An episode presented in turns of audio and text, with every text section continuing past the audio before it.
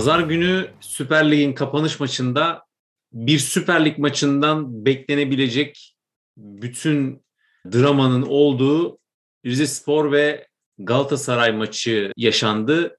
Kırmızı kart var, karşılıklı goller var. Bir Galatasaray öne geçti, bir Rize Spor öne geçti. E, maçın başı denebilecek dakikada, 5. dakikada Mustafa Muhammed e, uzun zaman sonra ilk golünü attı. Yaklaşık 10 dakika sonra Pohjan Palo'yla Çaykur Rizespor'un yeni transferiyle ard arda bulduğu iki golle Rizespor öne geçti ve ikinci yarı Galatasaray'ın artan baskısı 75. dakikada yine Mustafa Muhammed'in ayağından beraberlik golünü getirdi. Tam oyun dengelendi derken bu sefer bireysel bir hatadan Rizespor penaltı kazandı.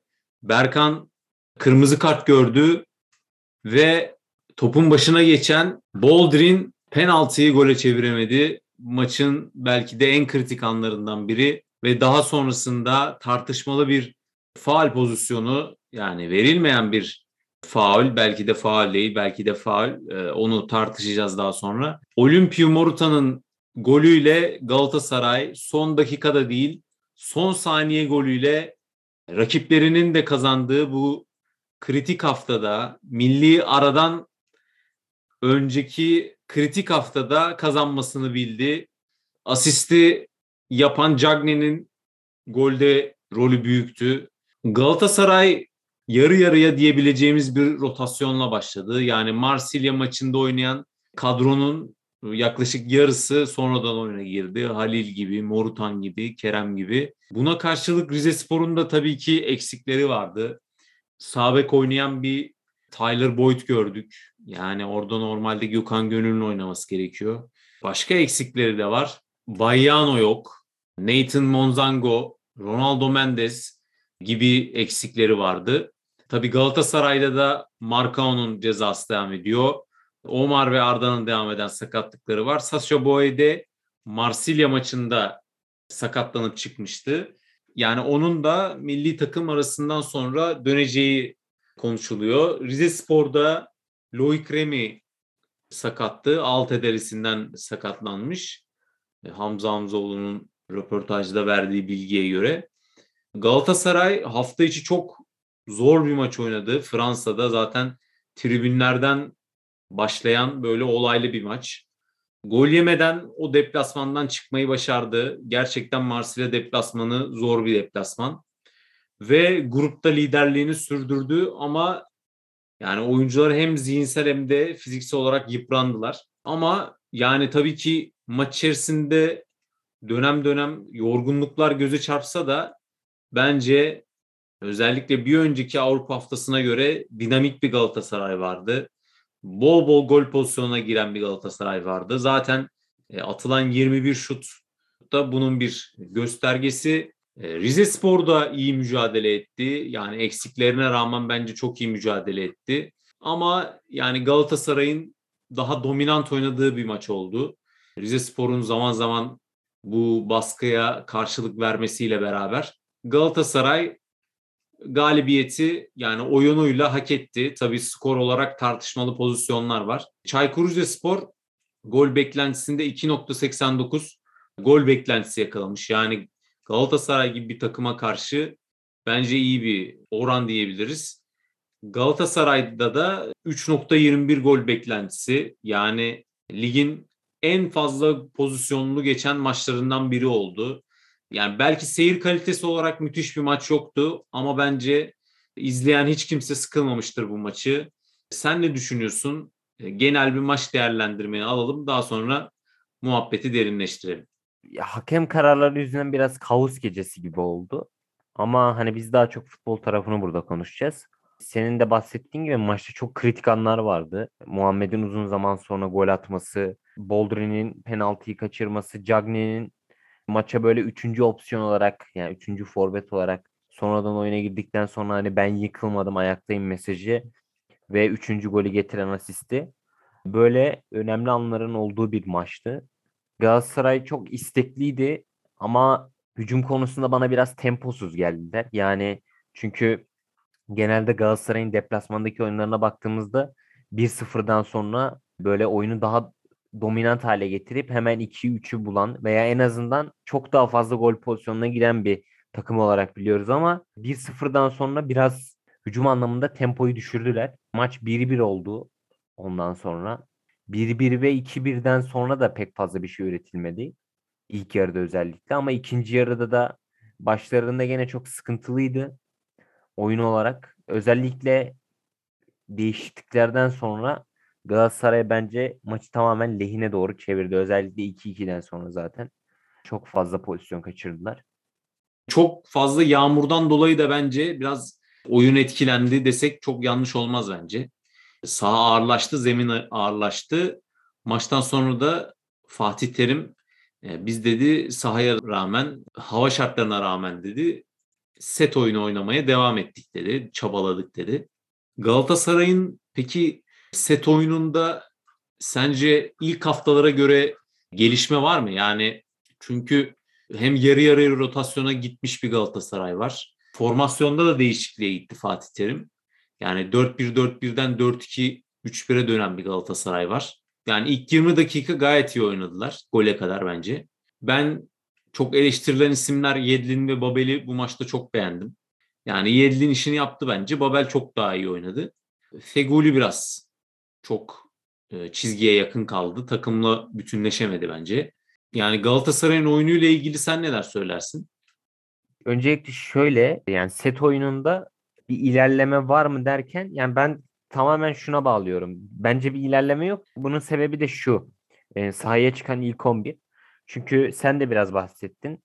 Yani Galatasaray'ın en etkili olduğu bölgeler kanatlar ve burada bence takımın en ağır iki oyuncusu olan Babel ve Feguli olunca o set oyununda biraz zayıfladılar. Babel iyi oynadı ama Feguli böyle takımdan çok ayrıydı. Bir de Babel ve Feguli'nin ortak özelliği şu ikisi de topu ayağına isteyen oyuncular. Yani bu tarz iki oyuncular ne kadar set oyunu oynayabilirsiniz? Biraz düşündürüyor açıkçası.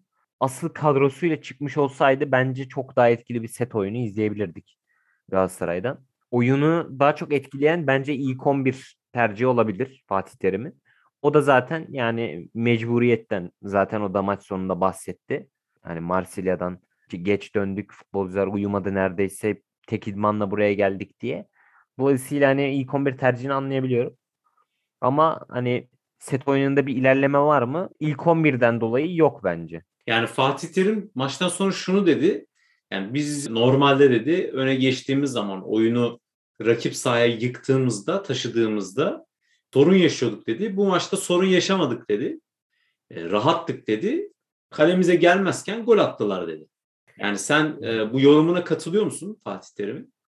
Zaten Fatih Terim hocam yani Rize Spor'a karşı da bunu yapamıyorsan ya bir zahmet hiç yapma daha iyi. Çünkü mesela ilk golde Djokovic falan Mustafa Muhammed'e o kadar boş bıraktı ki Mustafa Muhammed kontrol ettirdi, sektirdi, vurdu. Belki idmanda bile o kadar rahat gol atamamıştır. Yani böyle savunma zaaflarının olduğu bir takıma karşı oynadınız. Maçtan sonra şuna da değindi Fatih Terim. İşte Galatasaray budur. Reaksiyon gösterir, karakter koyar. Yani sevgili Fatih Terim hocam Galatasaray lig sonuncusuyla oynadı. Böyle bir maçta karakter koymasına gerek yok. Zaten o maçı alıp süpürmesi lazım Galatasaray'ın. Galatasaray bu yüzden Galatasaray. Yani ister lig sonuncusuna göre oynasın ister işte Karagümrük gibi Hatay gibi takımlarla da oynasın. Hani en azından dört büyüklere daha yakın kaliteli futbol oynayan takımlar olduğu için söylüyorum. Yani onlara bir karşı bile maçı süpürüp alması lazım yani. Ya sağ bekte Boyd oynuyordu Rize Spor'da. Djokovic'i ben ama maçta görmediğim gibi bir şey yani. Ama hani genel olarak ben mesela Çaykur Rizespor'un kadrosuna baktığımda ya bu kadro mesela düşmeye oynar diyemiyorum. Kadrosu yeterli bence yani. Hani şimdi Remy sakatken Pogjan Palo oynuyor. Yani bu oyuncu Leverkusen'den geldi. Gökhan Gönül sakat olmasa sabek mevkisi de çok sağlam. Ama işte kadro derinliği olmadığı için orada dediğin gibi Boyd oynadı. Stoperler biraz hata veriyor. Yani orada ilk golde Sebastian Holmen çok amatör uzaklaştırdı. Yani yatay olarak topu mesafe kat ettireceğine sadece dikey olarak dikti ve yine ceza sahasına düştü o top. E tabi ceza sahasına düşen top her şey olabilir yani. Bu arada Sebastian Holmen de bir ara hem Bursa Spor'da hem Fenerbahçe'de forma giyen Samuel Holmen'in de kardeşi sanırım. E, yanlış hatırlamıyorsam benziyorlar da biraz. Ama tabii mevkileri çok farklı. Holmen orta sahaydı. Yani ben Sebastian'la Selim'i çok beğendim diyemem açıkçası. E, biraz Çaykur Rizespor üzerinden oyunu değerlendirirsek. Pogjan Polo'yu çok beğendim. Tam bir böyle fiyat performans transferi diyebiliriz. Zaten kiralık geldi ama yani böyle bir oyuncunun Rizespor'a yani düşmemeye oynayan e, bir önceki sezon e, ucu ucuna düşmekten kurtulmuş bir takıma gelmesi bence büyük bir transfer başarısı. Ki tam bir ceza sahası içi golcüsü olduğunu da tek vuruşlarıyla gösterdi bu maç. Bağlantı oyunu da çok başarılı. Yani orta sahaya gelip oyun kurulumuna yardım ettiğini de gördüm ben. Onun dışında Dabo'yu beğendim. Yani orta sahada hem defansif yönde iyi bir e, direnç oluşturdu hem de oyun temposuna da katkı yaptı. Kalede Gökhan Akkan biraz gününde değil gibiydi. Yani Gökhan'ın ben çok daha iyi maçlarını hatırlıyorum. Yani zaten kendisi biliyorsun milli takım havuzunda olan bir kaleci. Yani ben ondan daha iyi bir maç beklerdim. Bir kaleciden diğer kaleciye geçelim. Muslera. Yani Muslera bence e, bu maçta eski Muslera'nın performansına biraz yaklaştı. Kritik birkaç kurtarışı vardı.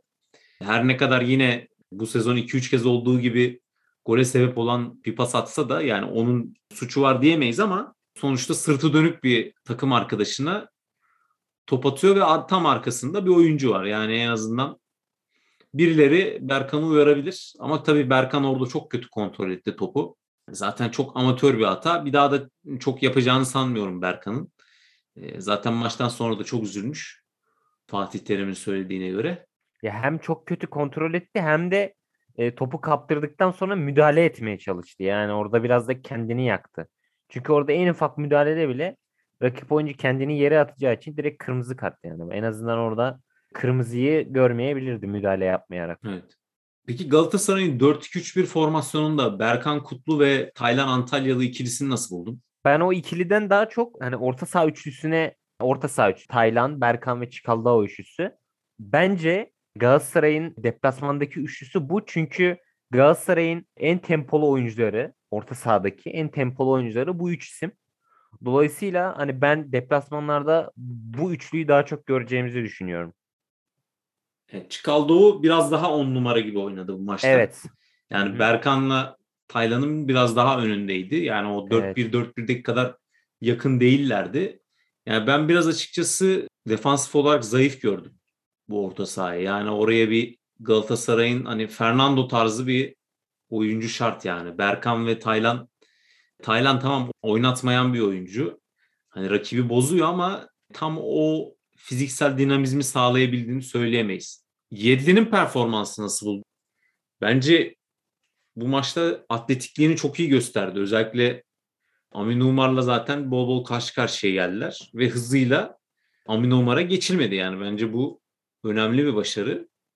Yani ben hani daha önce de yuhlandı yani Galatasaray stadında. Bu neden bu kadar eleştirdiğini anlamadım. Çok fazla spor yorumcusu da var Yedlin'i eleştiren. Yani savları şu Premier Lig'de oynamış havası yok diyorlar. Yani Premier Lig'de oynamak için hani illa böyle bir Cancelo, Walker ya da Trent Alexander-Arnold gibi mi olmak lazım yani? Hani farklı özellikle oyuncular olamaz mı? Yani belki bir oyuncu sistemli bir takımda iyi oynuyor. Ama siz onu sistemsiz veya sistemi tam oturmamış bir takıma getirdiğinizde iyi oynamadığı zaman oyuncuyu bilmiyorum kalitesiyle sorgulamak ne kadar mantıklı. Yani Yedlin üzerinde nasıl yorum yaparsın bu maçla alakalı? Yuhlama olayından başlayayım. Yani ben Yedlin'in yuhlanmasına şöyle karşıyım. Yedlin Galatasaray'da tamamen mecburiyetten oynuyor. Zaten ilk kadroya yazılan sağ bekteki ilk isim Yedlin değil ki. Saça Boye. Yani zaten adam rotasyon futbolcusu. Yani mecburiyetten orada oynuyor. Onun yerine asıl oynayacak kişi olmadığı için orada oynuyor. Yani her futbolcu kötü performans sergileyebilir. Ama hani yuhlamak ne kadar doğru bilmiyorum. Yedlin'in performansını beğendim. Özellikle ikinci golde ceza sahasında e, Muhammed ve bir oyuncu daha vardı ceza sahasına koşu atan. O da Yedlin'di. Yani Muhammed vuramasaydı belki Yedlin vuracaktı. Dolayısıyla oyuna katılımı da hem bindirmeleri hem de hücumsal anlamda oyuna katılımı bence çok iyiydi. Yani sadece o ikinci goldeki o ceza sahası koşusu bile benim için değerli bir koşuydu açıkçası. Onun dışında ben biraz Galatasaray'ın takım savunmasına değinmek istiyorum. Galatasaray'da Markao yokken çok problemli bir takım savunması var açıkçası. Burada daha çok Markao'nun de oyun zekasına hatları birbirine bağlamasından dolayı övüyorduk. Ama Markao geldiğinden bu yana savunmasını da çok geliştirdi. Markao varken hem kompak hem de işte daha sert ve yerinde bir savunma yapıyor Galatasaray. Bunun da en büyük örneği Galatasaray'ın Avrupa'da ve Süper Lig'deki maçları arasındaki takım savunma farkı. Yani çok net ortaya çıkıyor. Markao varken ve Markao yokken. Nelson'da, Marcado, Luyendama'da aslında bireysel bak bakıldığında e, çok etkili stoperler. Ama işte oyuna kattıkları katkı burada çok net fark oluyor. Mesela Markao varken Galatasaray çok daha rahat topla birlikte çıkıyor. Hem savunmayı da daha iyi bir şekilde yapabiliyor. Dolayısıyla Markao'nun Galatasaray savunmasında bence çok önemli bir yeri var. Onun dışında özellikle Rize Spor'un ikinci golünde duran top savunması bence çok kötüydü. Hocam Palu'yu çok boş bıraktılar. Orada bir stoperin mutlaka onunla eşleşmesi gerekiyordu ve aynı golün benzerini Finlandiya formasıyla da Euro 2020'de attı yani. Dolayısıyla Galatasaray'ın savunma anlamında çok bariz sıkıntıları var. Sen Galatasaray'ın takım savunmasını nasıl buluyorsun? Dediğin gibi yani duran top savunması ve genel olarak savunma anlayışında problemler var. Zaten maçın sonunda Fatih Terim de buna değindi. Milli takım arasında dedi daha çok alan markajından adam adama markaja geçişe harcayacağız dedi. Zaten orada adam adama da sıkıntı var yani direkt kornerden yenen golde. Yani hem duran toptan topla beraber normal akan oyunda da rakibi boğmak adına yani burada en bariz örnek Leeds United yani hem pozisyon oyunu oynayıp hem de top rakipteyken baskılı oynamak için e, adam adama savunmayı bir kere kusursuza yakın yapmanız gerekiyor yani. Eğer adam adama savunma yapılacaksa yani alan savunmasının avantajı daha az efor gerektiriyor. Ama tabii ki adam adamayı o eforu sağladığınız zaman alan savunmasına göre çok daha yoğun bir e, baskı kurmuş oluyorsunuz rakibe. Belki de bir Marcelo Bielsa etkilenmesi göreceğiz Fatih Terim'den. Bunu zaman gösterecek. Yani ne kadar o fiziksel seviyeye çıkabilecek Galatasaray o da tabii ki soru işareti bence. Burada benim değinmek istediğim bir oyuncu daha var. O da Kerem Aktürkoğlu. Yani oyuna girmesi bence şu yüzden çok önemliydi. Sen de bahsettin. Feguli çok çizgideydi. Babel zaten çizgide. Oyunu merkezden delemiyorlardı. Ve hani tam Galatasaray'ın da o ikinci yarıda bir şeyler üretemediği anlarda Kerem'in oyuna girmesi çok etkiliydi. Çünkü Kerem'in oyuna girmesi demek merkezde bireysel yeteneğiyle işte o deliciliği göstermesi demek. Zaten golde de böyle oldu. Yani merkezden Kerem topu taşıdı. Ömer Bayram'a aktardı. Ömer Bayram da içeri e, orta kesti yerden. Bayağı pas attı. E, Mustafa Muhammed de tamamladı. Dolayısıyla Kerem'in oyuna girmesi çok önemliydi bence. Hem Kerem'in hem de özellikle Halil oyuna girdikten sonra yani bence Halil oyuna girdikten sonra oyun çok keyifli olmaya başladı. Evet. Halil'i izlemek çok... Fatih Terim 4-4-2'sine döndü zaten. Halil gerçekten çok etkili oynadı. Zaten yani o ceza sahası içinde öyle bir fake'i var. Topa neredeyse hiç dokunmadan vücut çalımıyla böyle topu önüne aldı. Sol köşeye vurdu. Onu atması gerekiyordu. Ama biraz kötü vurdu. Dolayısıyla Halil ve Kerem gerçekten oyuna girdikten sonra fark yarattı ve bu burada bana aklıma şöyle bir üçlü canlandı. Bence etkili olabilir. Yani Cagne veya Mustafa Muhammed, Mustafa Muhammed böyle devam ederse büyük olsak Mustafa Muhammed olur ama ben daha çok Cagne'yi düşündüm. Çünkü bağlantı oyunu Mustafa Muhammed'e göre daha iyi Cagne'nin ve ileride daha iyi top tutabiliyor. Cagney'in merkezde olduğu, solda Halil'in, sağda Kerem'in olduğu bir ileri üçlü sence nasıl bir performans sergiler? Yani Halil biraz daha böyle tabii yarım alanda konumlanabilir o bahsettiğin e, dizilimde. Bence iyi işlememesinin karşısında çok bir negatif anlamda ben bir şey göremiyorum. Yani e, orada tabii Beck'in desteği de çok önemli. Orada hani Patrick Van Aanholt sol kanadı ne kadar tek başına doldurabilir? Yani çünkü Halil daha çok hani merkezde top aldığında daha tehlikeli bir oyuncu. Kanat başlayabilir ama daha çok hani sol iki forvet gibi oynaması daha mantıklı. Evet, daha içeride konumlanın. Onun bıraktığı boşlukları da işte Bekin doldurması gerekecek. Yani o zaman da sağ tarafta biraz daha yani o geride en azından bir üç kişi bırakmak için e, daha defansif bir bek e, gerekecek sağ bek için de. Yedlin ve Sasha Boy bu gereksinimi nasıl karşılar? İkisi de iyi hücumcu ama defansları biraz soru işareti. Cagney de yani hani zaten kritik bir golün pasını verdi. O da beğenilmeyen isimlerden. Yani sen yani bu üç oyuncunun Halil Dervişoğlu, Kerem Aktürkoğlu ve e, Cagney'in oynadığı bir sistem düşünmüşsün. Yani burada o zaman sen diyorsun ki e, Mustafa Muhammed bir rotasyon oyuncusu diyorsun. Doğru mu anladım? Bağlantı oyunu ve ileride top tutabilme açısından düşündüm. Ama Mustafa Muhammed böyle devam ederse Mustafa Muhammed daha önde olur. Çünkü bu maçta fena bağlantı oyunu sergilemedi. Ki mesela Halil oyuna girdikten sonra da böyle merkezde sabit kalmadı. Kenarları açıldığını da gördük. Dolayısıyla Mustafa Muhammed böyle devam ederse Cagney yerine o da yazılabilir. Evet, zaten Fatih Terim de buna benzer bir konuşma yaptı maçtan sonra. Yani Mustafa dedi bize hem setlerde yardımcı oldu hem de defans arkası koşularıyla yardımcı oldu dedi. Tabii iki golde cabası. İlk geldiği zamanki Mustafa Muhammed gibi oynarsa hani 4-4-2'de yani Halil Dervişoğlu'nu yedek bire bırakabilirler Cagney ile ikisi. Yani iyi bir Cagney'den bahsediyoruz. Yani Cagney de şöyle yani Cagney biraz böyle zihinsel olarak herhalde kolay etkilenen bir oyuncu. Yani ya West Bromwich performansını e, muhtemelen hani Türkiye'deki spor yorumcuları da çok haberdar değil. Hani hala böyle kendini ispatlaması gereken bir golcüymüş gibi bahsediyorlar ama son yıllarda hani Galatasaray'da ondan daha fazla gol atan bir forvet yok. En başta bu. Bir de yani West Bromwich'i az daha ligde tutuyordu yani. Premier Lig'de tutuyordu.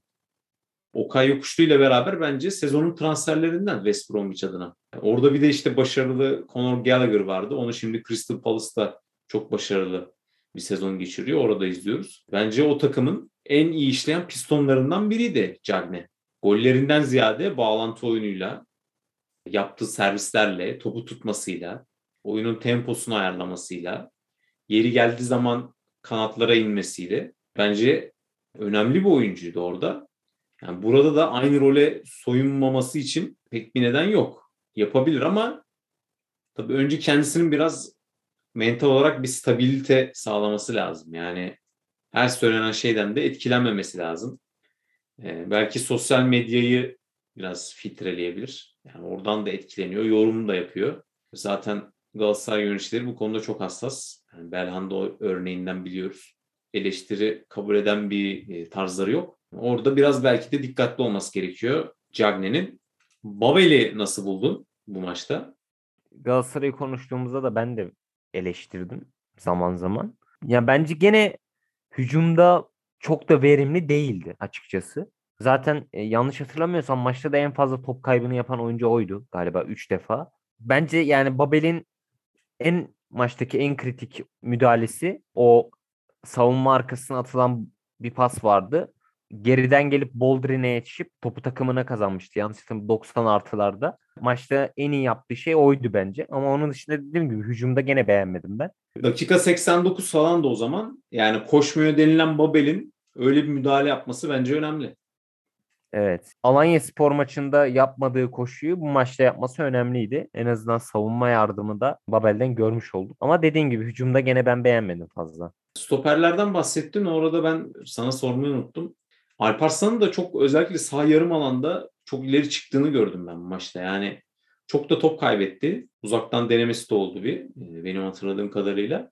Yani benim şahsi görüşüm şu yani arkasında bir oyuncu olmalı Alparslan'ın. Alparslan daha çok 4-1-4-1'de o dörtlünün arkasındaki oyuncu olarak daha rahat olur gibi geliyor. Yani stoperde son adam olduğu zaman bazen kritik anlarda kritik hatalar yapabilecek potansiyeli varmış gibi geliyor bana. Bilmiyorum sen ne düşünüyorsun? Yani bence o kritik hatalar konusunda ya bence Luyendama'dan bir farkı yok açıkçası bana göre. Marka döndükten sonra ben Luyendama'nın da Alparslan'ın da forma şansının az olduğunu düşünüyorum. Çünkü Nelson da yavaş yavaş ritmini buluyor. Zaten Markao'ya değindik ne kadar önemli olduğunu. Yani o yarım alanları kullanmaya çalıştı. Senin dediğin gibi iyi niyetli ama çok fazla topu ezdi. Yani çok fazla top kaptırdı. Alparslan da ayağı kaliteli yani ortalamanın üstünde bir ayağı var. Uzun pasları da bu maçta çok etkili değildi. Yani 10 tane uzun pas atmış. Sadece ikisi isabetli. Dolayısıyla yani bu maçta o kadar da iyi oynamadı ama dediğim gibi yani Marcao'nun cezası bittikten sonra oranın net iki oyuncusu var yani Nelson ve Marcao. Tabii maçta tartışmalı pozisyonlar da vardı. Yani ilk golde yani Çaykur Rizespor'un attığı golde ben tabii hani kural kitabını çok böyle detaylı okumadım. Hani çok fazla da hakemlik konusunda bilgim yok ama yani orada net bir ben çekme görüyorum Berkan'ın formasından. Ee, orada öyle bir şey gördüm ben ilk golde. Yani Rizespor'un attığı golden önce. Yani Galatasaray tarafında da son saniyede atılan golde tabii pozisyonun başlangıcında Rizesporlu oyuncu bir şut çekmeye çalışıyor. Orada dengesini bozuyor. Yani o faal müdür değil midir? Tam net bilemiyorum ama ne dengesinin bozulduğu net belli oluyor. Orada da topa vuramıyor Galatasaraylı oyuncu. Yani topa müdahale deseniz. Orada emin olamadım ama Cagney'in mücadele edip düşen iki oyuncu da müdahale temiz gibi geldi bana. Yani varsa bir o ilk pozisyonda Galatasaray'ın topu kaptığı anda faal olabilir. E, emin değilim. Yani iki tarafta da iki takımın golünde de faal kokan pozisyonlar var. Maçtan sonra Fatih Terim'e de hani bu pozisyonlar sorulmaya çalıştı ama bu soruları dodge'ladı böyle. Yani öyle bir dedi ki yani şimdi konuşmayalım bunları. Çok iyi mücadele ettik. E, bu galibiyetin, bu mücadelenin önüne 10 kişiyle kazanmışız. E, başka şeyin geçmesine izin vermem dedi. E, daha sonra konuşalım dedi. Yani aynı şey acaba yani aynı son dakika golünü Rizespor bulsa yine sonra konuşalım arkadaşlar bunu der miydi? O soru işareti. Sen ne dersin bu bahsettiğim pozisyonlarla alakalı? Bir yorumun var mı? Rizespor'un ilk golündeki faulü verse yani o çekmede Berkan'ın formasından çekildiği faulü verse bu maçı bu kadar hakem en azından konuşulmazdı. Ya orada çok net bir faul var. O çekme direkt faul. Galatasaray'ın 3. golünde de orada topa müdahale yok. İlk pozisyondan bahsediyorum. O denge bozma. Orada topa müdahale yok. O faul ama o Cagney yani mücadele etti. Oyuncular çok kendini çok kolay yere attı ki ha, oyunculardan biri de Bolasi yani Premier Lig'de kaç sene oynamış biri. O kadar kendini nasıl kolay yere attı anlamadım. Ya orada bence düşürebilirler de Cagney'i. Biraz da Çaykur Rizespor'ların yani tamam evet. hakem kötü bir maç yönetebilir ama orada fırsatları da vardı. Hani böyle şey olsa Cagney öyle bir gitti ki. Hani mesela orada Onyekuru olsa tamam mı? Topu alır bir daha kalede görürsün topu yani yetişemezsin. Ama yani bir sürü Çaykur Rizesporlu oyuncunun yanından geçti ve kimse faal yapmadı. Yani orada biraz amatörlüklerine denk geldi. Orada 3 kişi bir, bir oyuncuyu durduramıyorsa ya bu taktik fauldür yani en azından gol yeme. Zaten maçın saniyeler var yani bitmesine. İster sarı gör ister kırmızı gör. Yani orada sen zaten puanı almışsın orada. Üç kişisin. Birinizin mutlaka işte formasından çekip ya sarıl en azından bir şey yap. Yani düşürmen lazım orada. Yani ligde sonuncu bir Rizespor var. Son 5 maç 5 galibiyetti. 6 maç 6 mağlubiyet oldu. Tabii bir teknik direktör değişikliği de yaşadı 2 hafta önce. Ama bence Hamza Hamzoğlu'yla düşme hattından kurtulabilir diye düşünüyorum ben. Rizespor çünkü kadrosu yeterli. Kadrosundaki kalite yeterli. Tabii sakatlıklar sezonun Rizespor adına da birçok takımda olduğu gibi kaderini belirleyecektir. Yani Gökhan Gönül ne zaman dönecek mesela? Çok büyük bir faktör Rizespor için. Ama ben Hamza Hamzoğlu'nun hani mesela Premier Lig'de Sam Allardyce vardır. Big Sam lakaplı. Böyle takımlara gelir sezon ortasında veya daha öncesinde düşmemeye oynayan takımları kurtarır. Türkiye'de de bununla ünlenmiş Yılmaz Vural vardı.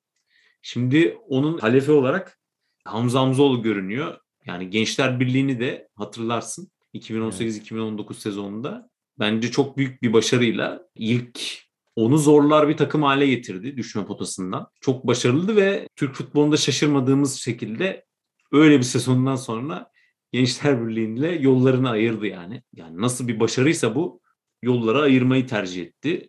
Zaten sonra bedelini küme düşerek ödedi Gençler Birliği yönetimi. Yani ben Hamza Hamzoğlu'nun gelmesiyle Rize Spor için umut var diyorum. Galatasaray'a gelecek olursak yani Galatasaray için de yani maçın kırılma anı soruldu Fatih Terim'e. Fatih Terim de maçı işaret etti yani. Bu maç dedi, bu galibiyet oyuncular için kırılmadır dedi yani. Şu anda orta sıralardan kurtulduğu bir maç oldu bu maçtan sonra aldığı puanlarla. Averajda zaten 14 puanda çok takım var. Yani bundan sonra o özgüvenle takım üstüne koyarak bence ilk dördü zorlayan bir Galatasaray göreceğiz. Belki liderliği zorlayan bir Galatasaray göreceğiz. Bence bu maç Galatasaray için geriye bakınca önemi çok daha anlaşılacak bir maç oldu.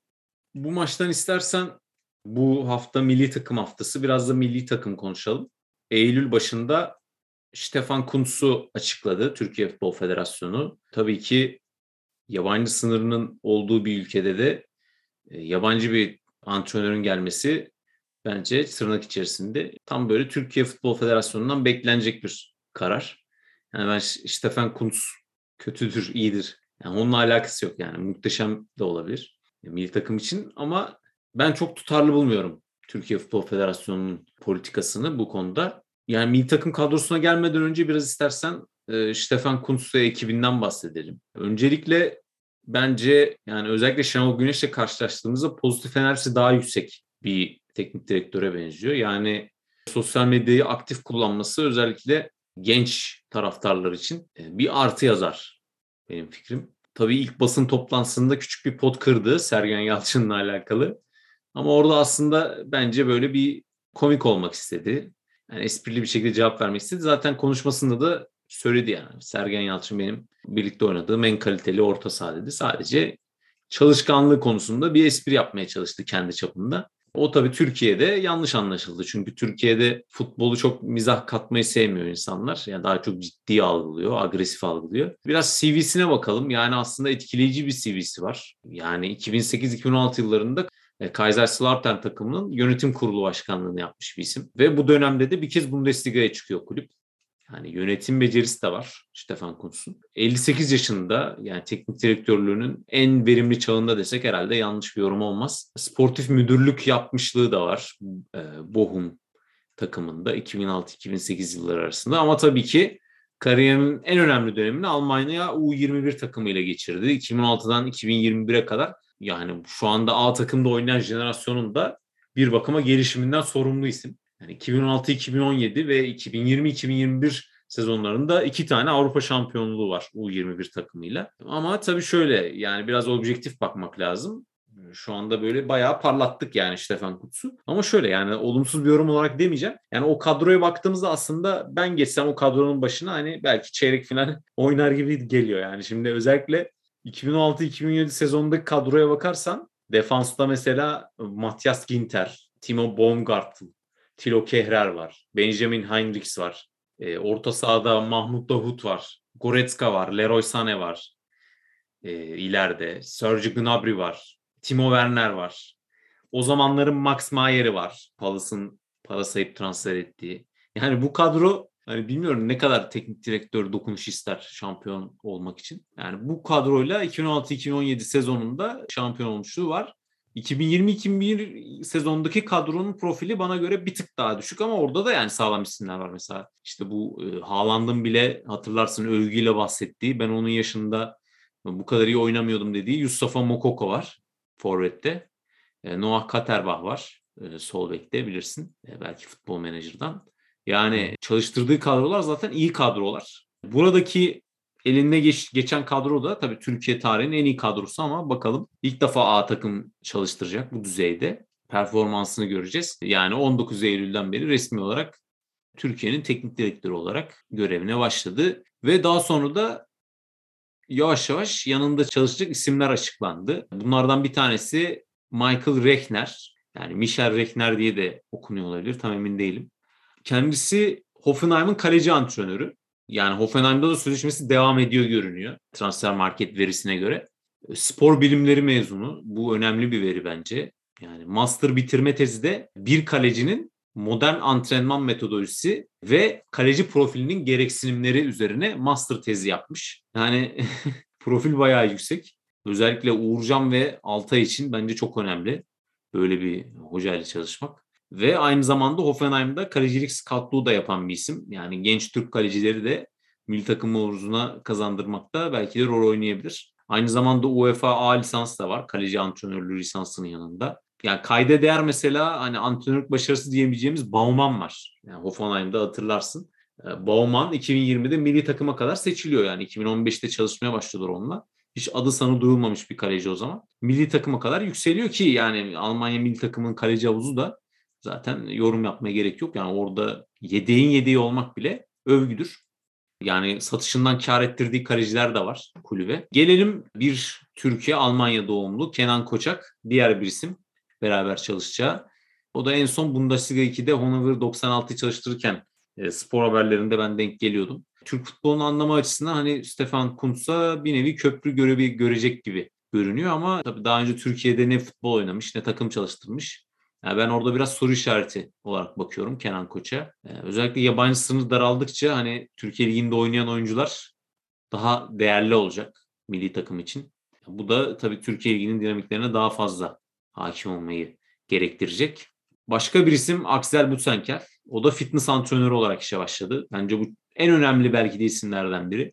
Yani kısa bir dönem Almanya'nın amili takımında da fitness antrenörü olarak görev yapmış. Yani bizim bazen hani yetenek olarak zaten hiçbir eksiğimiz yok. Bence teknik olarak da artık eksiğimiz yok. Ama bazen işte fiziksel olarak tempoya ayak uyduramıyoruz. Özellikle hani Letonya gibi işte İzlanda gibi fizikselliğiyle ön plana çıkan takımlara karşı özellikle deplasmanlarda zorlanıyoruz. Bu açıdan bence atletik performans açısından iyi bir atılım diye düşünüyorum ben.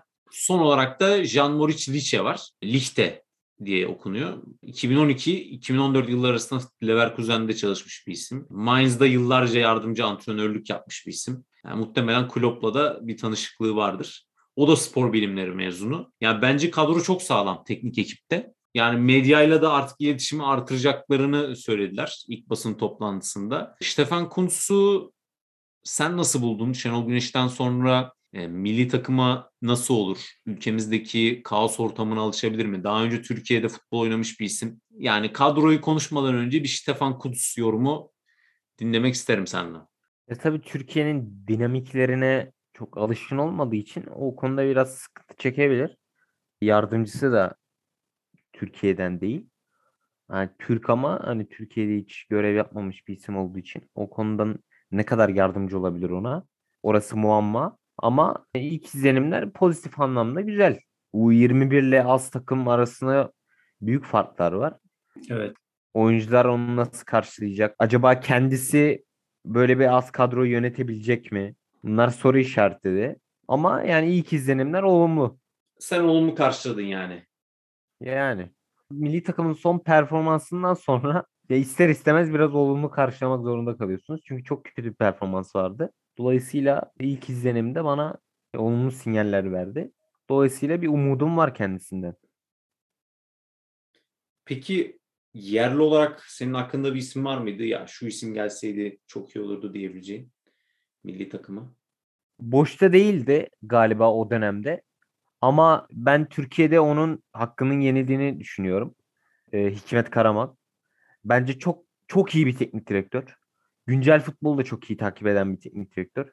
Yani zaten geçen sene Ankara gücüyle resmen şov yaptı.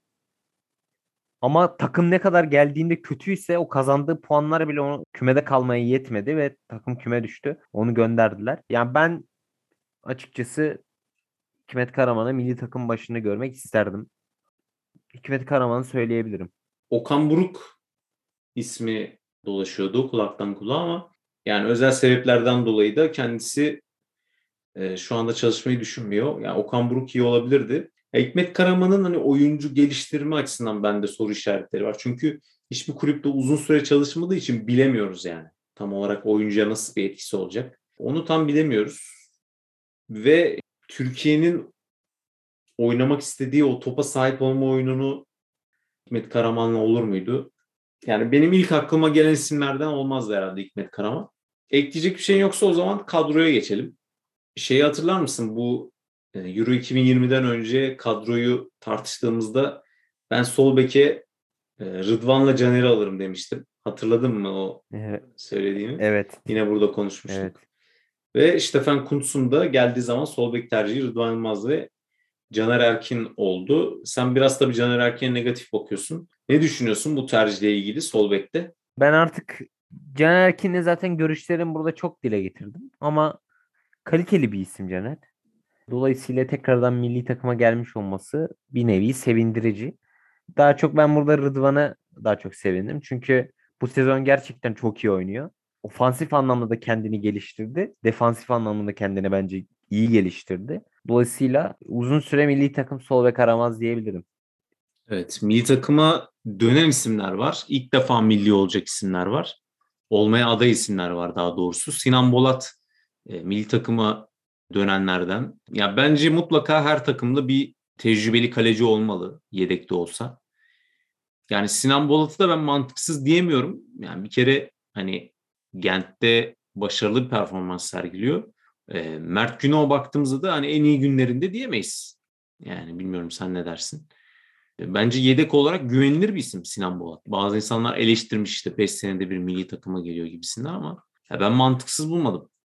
Yani burada bu tecrübeli kaleci olayını çok konuştuk. Ben de sana katılıyorum bu konuda. Ee, Serdar Aziz milli takıma döndü. Ben bunu şuna yorumluyorum. Yani bugün yaptığı basın toplantısında da Almanya'da biz hem üçlü hem dörtlü savunma oynuyorduk dedi rakibe göre Stefan Kuntz. Yani Serdar Aziz de tabii Vitor Pereira ile üçlü savunma oynamayı öğreniyor. En az 5 tane stoper karakterli oyuncu var. Hatta buna Mert Müldür'ü de sayabiliriz. Milli takımda şu anki kadroda. Üçlü savunmaya da ben dönebilir diye düşünüyorum Stefan Kuntz. Yani bu benim bir hipotezim. Yani Serdar Aziz'i gördükten sonra ben böyle düşünmeye başladım. Sen ne dersin? Yani Serdar Aziz sence performansıyla bir milli takım hak etti mi? Üçlü savunma çıkar mı bu kadrodan sence? Yani bence maç maç üçlü savunma oynayacaktır ki üçlü savunma oynamayı bilen isimler de var. Yani mesela Merih Atalanta'da üçlü savunmada oynuyor. Evet, Çağlar da öyle. Çağlar da biliyor. Yani dolayısıyla maçına göre üçlüye dönebilir. Hani Serdar Aziz de Vitor Pereira ile öğreniyor. Dolayısıyla tabii ben Serdar Aziz'i burada ilk opsiyon olarak bence düşünmüyor. Ee, ben de düşünmezdim. Maç maç Serdar Aziz'i kullanabilir. Ve Enes Ünal'ın alınmadığı bir kadro görüyoruz. Onun yerine Serdar Dursun alındı. Serdar Dursun da oynarsa ilk defa milli takım forması giymiş olacak. Serdar Dursun tercihini e, nasıl buluyorsun Stefan Kunus'un? Ya bir kere Enes Ünal'ın alınmaması bence çok mantıklı. Çünkü yani gerçekten çok kötü performans sergiliyordu. Belli ki hani Burak da hemen hemen o oyuna yatkın biraz daha. Biraz daha hedef santrafor tipli oyuncuları kullanıyor. Yani savunmaya sırtını dayayıp böyle topu alıp kısa verkaçlar yapan oyuncuları seviyor. Bu Benfica transfer olan Walter Schmidt falan onları da çok kullanıyordu. U21'de Almanya'da. Dolayısıyla o tarz oyuncuları seviyor. Serdar Dursun da bu yüzden seçmiş olabilir ki hani Serdar Dursun da böyle çok kötü bir bağlantı oyunu yok. Burada daha önce de konuştuk. İlk haftalarda falan sakatlanmadan önce Samatta'dan daha iyi bir bağlantı oyunu performansı sergilemişti. Dolayısıyla onu kullanabileceğini düşünüyorum. Ve e, senin beğendiğin isimlerden Halil Dervişoğlu da az daha bu kadronun dışında kalıyordu ama Kenan Karaman'ın bir elinde bir sakatlık vardı. Ameliyat olması gerekiyormuş. O sebeple yer değiştirdi Halil'le. Bu tercihi nasıl yorumlarsın? Yani ilk başta Halil'in dışarıda kalması, Kenan'ın alınması ve daha sonra Halil'in şu anda dahil olmasını. Yani Halil kesinlikle milli takım kadrosunun içinde olması gerekiyor. Çünkü çok yönlü bir oyuncu. Çok iyi sahte 9 oynuyor bence yaşına rağmen. Bireysel yetenekleri bence üst düzey olan bir oyuncu. Bitiriciliği o kadar iyi değil ama yani bireysel yetenekleri iyi olan bir futbolcu. Dolayısıyla zaten burada da çok fazla konuştu. Çok fazla övdüm ben kendisini. Dolayısıyla milli takım kadrosunun içinde bence kesinlikle olması gereken isimlerden bir tanesi. Türkiye'nin alıştığı forvet tipinden yani yerli forvet tiplerinden gerçekten farklı tipte bir santrafor yani. Ben biraz Che tarzlarını benzetiyorum Southampton'daki Halil Dervişoğlu'nun. Yani özellikle bağlantı oyununda ve tamamlayıcı olarak müthiş yani. Hani bir Batman'in yanında çok iyi bir Robin olur. Hani Halil Dervişoğlu. Evet. Öyle bir forvet. Berat'ın alınması bence iyi oldu. Yani o da ön libero pozisyonunda giderek tecrübe kazanıyor. Belki de yani Okay Yokuştur'un da alınmadığı bir sistemde belki de şu anda Taylan'ın önünde ilk seçenek olabilir diyorum ben. Sen ne dersin? Evet Berat'ın alınmasına ben de çok sevindim. Zaten kendisi de çok beğendiğim bir futbolcu. Taylan'ın bir tık önünde olabilir. Sezona da Tayland'dan iyi başladı. Dolayısıyla Berat'ın alınmasına sevindim. Ve 8 Ekim Cuma günü de Norveç'te oynayacağız. Maç 21.45'te başlayacak. Yani kritik bir maç. Bizim için iyi haber. Haaland olmayacak maçta. Yani mesela sen bu maçta eğer mesela Stefan Kuntz'un kafasında üçlü bir sistem varsa sen üçlü sisteme geçer miydin? Yoksa hiç riske etmeyip oyuncuların kafasına böyle bilgileri doldurup hani kafaları karışmasın diye eski sistemden en azından bu maçta devam ederdin. Üçlü savunma öyle ha, ha deyince oynanan bir açıkçası diziliş ve oyun değil. Yani çok fazla pratik gerekiyor. Stoperlerin adam paylaşımını çok iyi yapması gerekiyor kenar beklerinin iyi olması gerekiyor. Yani hemen ilk planda kullanılacak bir tercih olmaması gerekiyor bence. Üstüne biraz zaman geçirmesi ve çalışılması gerekiyor. Dolayısıyla ben mevcut düzenden devam edebilirdim bu maçta. Öngörüm var mı peki bu Norveç ve Letonya karşılaşmaları ne olur? Ya Haaland'ın oynamaması bizim için çok iyi bir etken. Çünkü yani çok çok çok üst düzey bir bitirici. Çok üst düzey bir forvet. Eksik özelliği çok yok. Yani neredeyse sıfır diyebiliriz. E, dolayısıyla onun olmaması çok iyi. Ki belki fizik açısından biraz sıkıntı çekebilir milli takım. Yani Norveç maçı biraz sıkıntılı geçebilir ama Letonya maçını direkt süpürmesi lazım.